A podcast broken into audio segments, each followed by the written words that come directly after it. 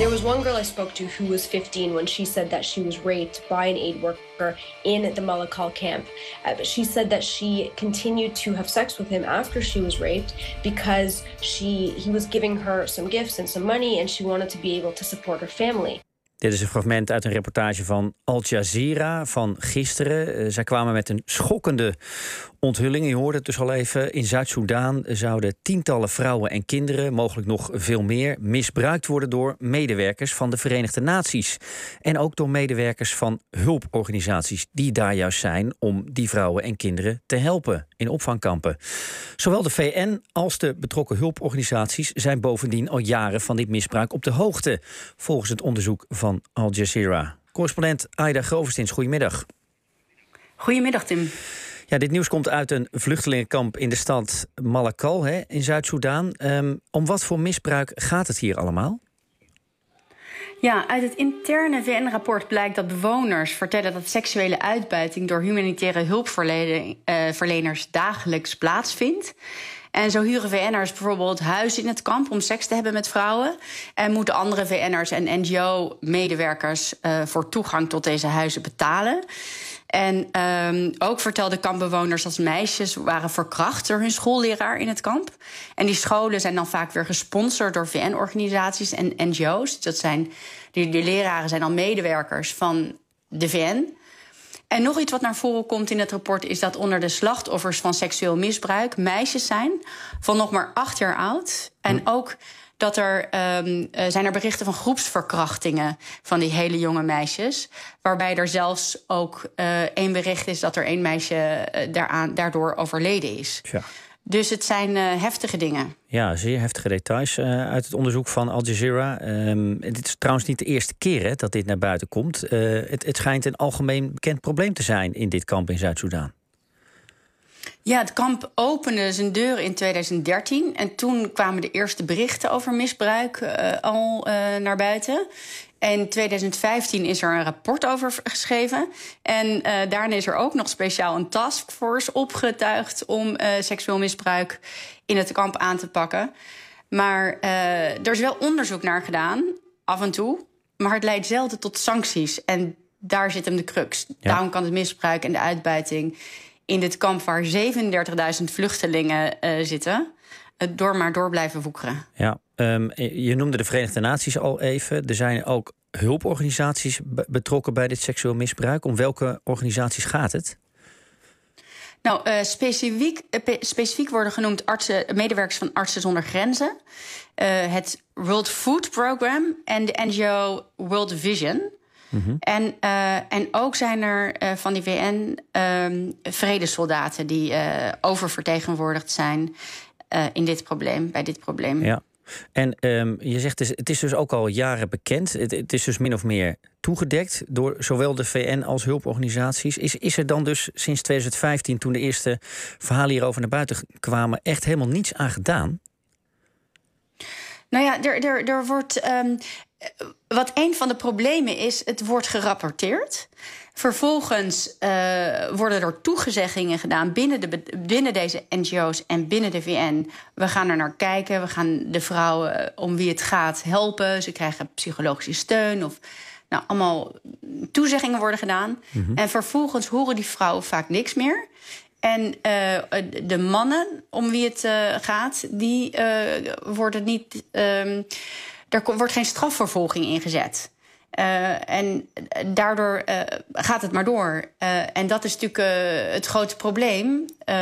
dat een keer op keer komen deze, dit soort verhalen weer naar buiten. Dit soort, keer op keer um, wordt er al bericht.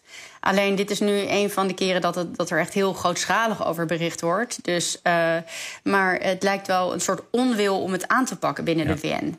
En daders komen er daardoor dus ook mee weg. Um, je noemde dus drie hulporganisaties hè, die in het verhaal van Al Jazeera voorkomen. Het gaat om de Internationale Organisatie voor Migratie, World Vision. En, en die is voor veel Nederlanders natuurlijk een stuk bekende, Artsen zonder Grenzen. Die hebben wij ook benaderd uh, voor een reactie. En Artsen zonder Grenzen liet ons uh, schriftelijk weten dat in eerste instantie na het bekend worden van de klacht. Uh, hè, dat ging dan om een medewerker van Artsen zonder Grenzen. Eerst alle aandacht naar zorg uh, voor het kind en de moeder van het kind uitging. De, de, slachtoffers in dit geval dus. En verder laat Artsen zonder Grenzen ook weten dat de organisatie een eerste aanzet tot een onderzoek heeft gedaan naar een betreffende medewerker van hun organisatie. Maar dat er geen bewijs is gevonden voor de aanklachten van seksueel misbruik. Uh, de betrokken medewerker is wel in afwachting van dit onderzoek geschorst. En of dat onderzoek ook klaar is en wat daarvan de conclusies zijn, daarover uh, schrijft Artsen zonder Grenzen ons niets. Um, wat vind jij van deze reactie, Aida? Want uit, verder uit hun bericht blijkt dat ze in oktober vorig jaar voor het eerst hiermee zijn geconfronteerd. Dat is dus echt al jaren later dan die 2015 waar Al Jazeera het over heeft. Ja, nee, precies. Nou ja, ik zou zeggen, het is positief dat ze eh, deze persoon in ieder geval geschorst hebben. Uh, dat gebeurt lang niet altijd. En, uh, maar ik zou zeggen, het is typisch dat ze zeggen: het proces, het onderzoek is gaande.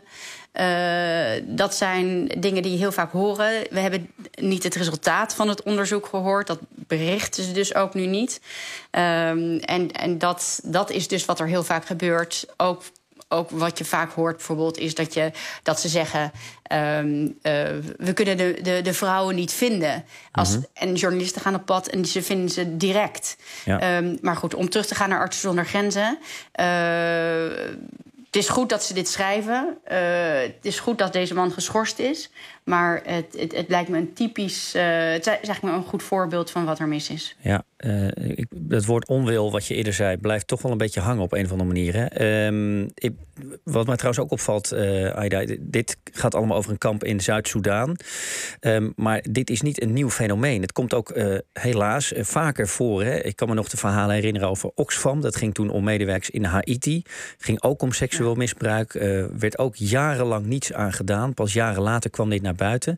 Zie jij het ook op, op andere plekken, bijvoorbeeld in Afrikaanse landen, nog voorkomen? Ja, er was een groot schandaal in 2016 in de Centraal-Afrikaanse Republiek. Daar ging het echt om uh, medewerkers van de VN-vredesmissie. Waar uh, dus VN-soldaten op grote schaal seksueel misbruik hadden gepleegd. Op ook vrij gruwelijke manieren vaak. Uh, met meisjes uit de lokale, van de lokale bevolking. dit was iets wat, wat heel erg bekend was, waar uh, onderzoekers en journalisten en nou, iedereen die daar betrokken en bezorgd over was, ook andere NGO's, uh, hebben erover bericht, hebben de vendor op aangesproken. Er is, uh, nou naar mij weten, in ieder geval, er is veel te laat iets aan, uh, iets aan gedaan als er überhaupt al iets aan gedaan is. En wat ja. daar ook interessant van was, bijvoorbeeld de ambassadeur van, want er was ook een, een soldaat van Burundi betrokken. En de ambassa ambassadeur van Burundi zei: Oh, dit soort dingen, die, uh, dat gebeurt bij ons niet. En, en, en we hebben zero tolerance hierop. Maar nou ja, daar kan je dus uit, ook uit opmaken dat die daar zelf ook niks, dat ook dus donorlanden. Ja vaak hier niks mee doen. En dat is natuurlijk ook een groot probleem. En een ander groot schandaal was in de, de Democratische Republiek Congo, waar ook hulpverleners van de Wereldgezondheidsorganisatie tijdens de ebola-uitbraak ook vrouwen uh, ja. werk in ruil voor seks aanboden. Nou ja, en dit zijn dan twee grote voorbeelden, maar zo zijn er veel, vele, voorbeelden, veel, vele voorbeelden. En nu dus weer zo'n nieuw schandaal in uh, dit kamp in Zuid-Soedan, waar ik het over had. Met Aida Groverstins. Heel veel dank, Aida, voor je uitleg.